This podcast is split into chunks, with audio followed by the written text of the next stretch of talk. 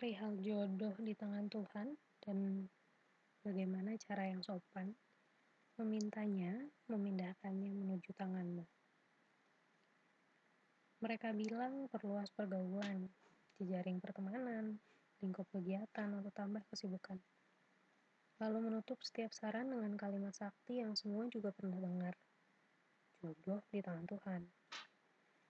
Mereka bilang jangan terlalu pemilih, tidak perlu sekolah terlalu tinggi, hindari jadi terlalu pintar dan mandiri.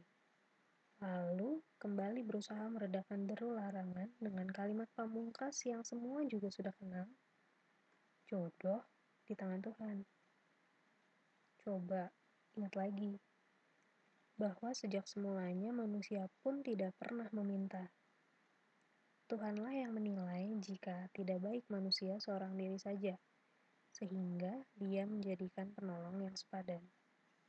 Bahkan, dalam prosesnya pun, manusia nggak tahu, karena sedang dibuat tertidur nyenyak. Jadi, buat laki-laki yang sering gak ngerti mau perempuannya, atau sebaliknya, pahami aja, perempuan tuh diciptakan ketika laki-laki sedang tertidur. Jadi, besar kemungkinan saat terbangun, we have no idea about each other. Right? Katanya, percaya jodoh di tangan Tuhan. Tapi tetap menuntut Tuhan segera menjawab doa.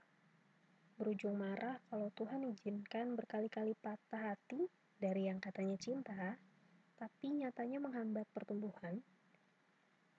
Lalu menilai Tuhan gak adil, menghargai setiap daya dan upaya karena gak ada satupun yang berbuah hasil manis.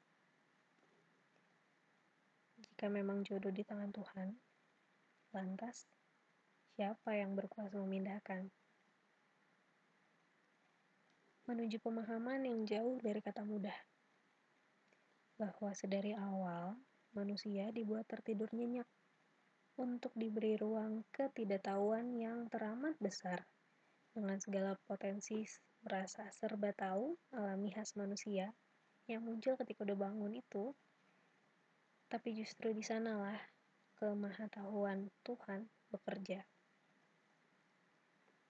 Tuhan yang dulu berinisiatif memberikan yang sepadan, Tuhan yang sama jugalah yang beracara hari ini mendatangkan kebaikan untukmu. Semoga cintamu tidak berkurang untuknya, hanya karena jodoh. Apakah itu pasangan hidup, karir, kondisi keluarga, ataupun segala pergumulanmu yang lain, masih belum berpindah dari tangannya ke tanganmu.